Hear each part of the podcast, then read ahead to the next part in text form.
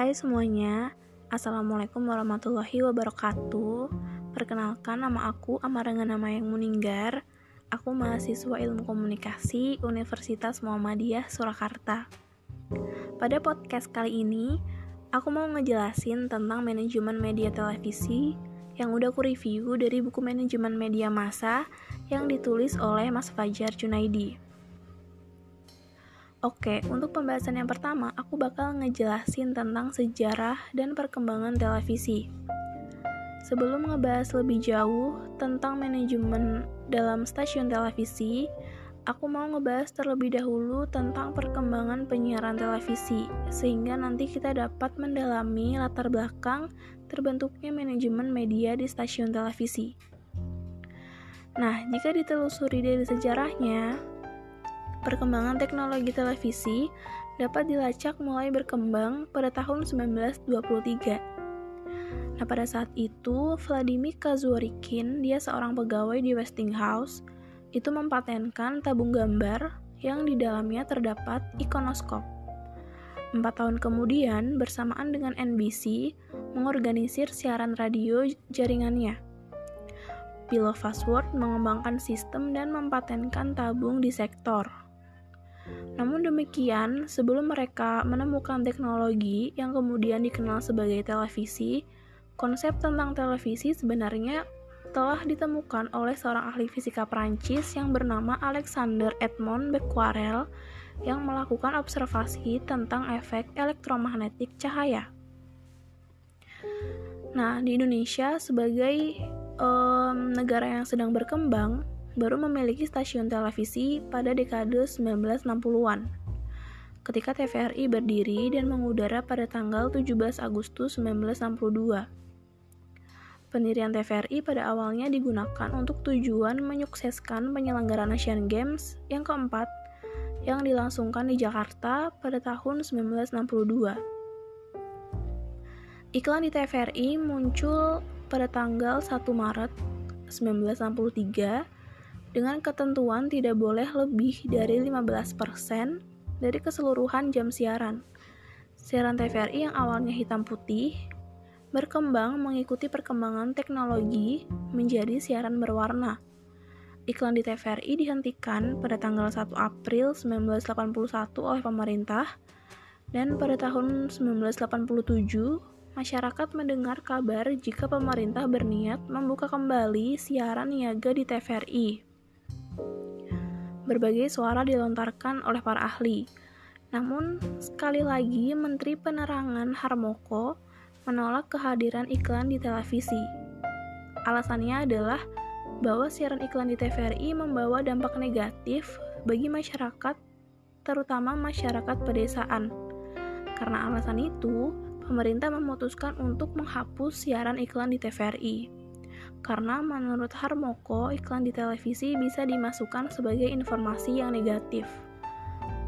Nah, perubahan dalam dunia penyiaran televisi di Indonesia mulai tampak di tahun 1987 ketika RCTI diizinkan bersiaran terbatas di Jakarta dan sekitarnya. Sesuai izinnya, siaran RCTI terbatas dengan hanya bisa dinikmati melalui televisi yang dilengkapi dengan decoder. Secara resmi, status RCTI sebagai stasiun televisi swasta pertama dikukuhkan pada tanggal 24 Agustus 1989 oleh Presiden Soeharto.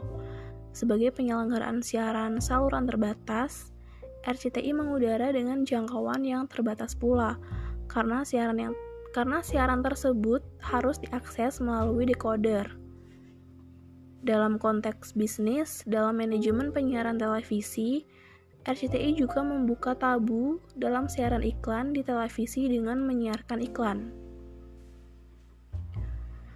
Keberhasilan RCTI dengan segera diikuti dengan pemberian izin pada Surya Citra Televisi yang biasa kita sebut dengan SCTV, sebuah stasiun televisi yang menyelenggarakan siaran saluran umum untuk wilayah Surabaya dan sekitarnya saja.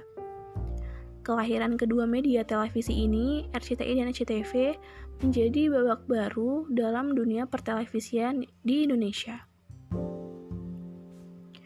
Untuk pembahasan yang kedua, aku bakal ngejelasin tentang struktur dan posisi dalam manajemen televisi. Stasiun televisi dipimpin oleh manajer yang disebut sebagai manajer umum atau general manager. Di stasiun televisi besar juga disebut sebagai direktur utama. Selain itu, adalah ada istilah lain yang digunakan sebagai presiden direktur, direktur utama, dan CEO pimpinan tertinggi dalam institusi media televisi ini sekaligus menjabat posisi sebagai ketua dewan direksi. Anggota dewan direksi meliputi beberapa direktur yang memimpin berbagai divisi dalam stasiun televisi. Nah, tugas dari pimpinan tertinggi dalam manajemen di stasiun televisi ini meliputi beberapa tugas. Yang pertama, yaitu manajemen harus mengkoordinasikan berbagai program acara yang ada di stasiun televisi tersebut. Ini termasuk kemampuan manajemen untuk memonitor program acara. Manajemen harus segera mengetahui jika ada program acara yang kualitasnya menurun, kemudian segera melakukan kebijakan atas program acara tersebut. Sebaliknya, dengan manajemen harus uh, segera mengetahui program acara yang kualitasnya bagus sehingga dapat segera memerintahkan bagian promosi program untuk menjual program tersebut secara lebih intens. Yang kedua, manajemen harus dapat mengarahkan program acara yang ditayangkan adalah program acara yang diminati oleh pemasang iklan. Dan yang ketiga yaitu manajemen harus mampu memberikan arahan kepada seluruh karyawan agar mampu melakukan kerjasama antar berbagai divisi yang ada. Hal ini menyangkut tentang bagaimana penjualan program pada pengiklan dan kerjasama dengan pihak-pihak eksternal. Ada empat fungsi dasar dalam struktur organisasi media penyiaran televisi, yaitu ada teknik, program, pemasaran, dan administrasi. Nah, bagian teknik mengembangkan uh, tanggung jawab dalam menjaga kelancaran siaran. Bagian teknik bertugas merawat peralatan yang ada agar selalu prima ketika digunakan untuk produksi program televisi. Jika ada peralatan yang mengalami kerusakan, bagian teknik ini harus dengan segera memberikan respon dengan mengatasi kerusakan yang ada. Selanjutnya adalah uh, bagian program siaran. Bagian ini mengemban tugas untuk menyuguhkan program acara bagi halayak. Untuk itu, bagian ini harus mampu melakukan penataan program siaran agar sesuai dengan halayak. Kegiatan penataan program ini disebut sebagai programming. Dalam melakukan programming, bagian program siaran harus mempertimbangkan jenis acara, waktu tayang, serta perilaku menonton halayak. Sebagai contoh adalah program berita di televisi. Stasiun televisi umumnya memilih menayangkan berita pada saat pagi, siang, dan sore. Pemilihan jam tayang ini disesuaikan dengan perilaku halayak di beragam usia yang memiliki waktu senggang untuk menonton televisi di waktu-waktu tersebut. Berbeda dengan acara film kartun untuk anak-anak stasiun televisi memilih menempatkan film kartun untuk anak pada sore hari karena anak-anak memiliki waktu untuk menonton televisi umumnya pada waktu tersebut.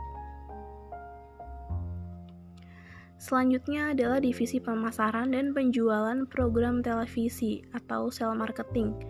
Bagian ini memiliki tugas untuk menjual program-program yang dimiliki stasiun televisi pada pengiklan. Dengan demikian, bagian ini menjadi vital bagi stasiun televisi swasta yang membutuhkan pendapatan dari iklan untuk menjamin keberlanjutan siarannya. Bayangkan jika ada sebuah stasiun televisi yang memiliki program acara yang bagus, namun bagian pemasaran dan penjualan program tidak mampu menggate iklan untuk mengisi slot iklan pada program tersebut. Bisa dipastikan stasiun televisi akan mengalami kerugian yang besar karena kue iklan melayang. Divisi lain dalam struktur industri penyiaran televisi adalah bagian administrasi. Bagian administrasi sebenarnya ada di hampir semua struktur perusahaan. baik perusahaan media maupun non-media. Sebagaimana namanya, bagian ini mengemban tugas dalam fungsi-fungsi organisasi yang berkaitan dengan fungsi administrasi. Fungsi administrasi ini meliputi tanggung jawab pada pengelolaan sumber daya manusia, pembukuan, pembayaran gaji, dan pengelolaan anggaran. Selain itu, fungsi administrasi yang lain adalah mengurus perizinan dan menjalin kerjasama dengan pihak-pihak eksternal. Nah, itu dia penjelasan tentang uh, sejarah dan perkembangan televisi dan juga strukturnya. Semoga bermanfaat untuk teman-teman dan menambah wawasan teman-teman juga. Um, maaf kalau misalnya aku ada kesalahan dan sekian dari aku, Amaranga nama yang meninggal. Pamit undur diri. Terima kasih. Wassalamualaikum warahmatullahi wabarakatuh.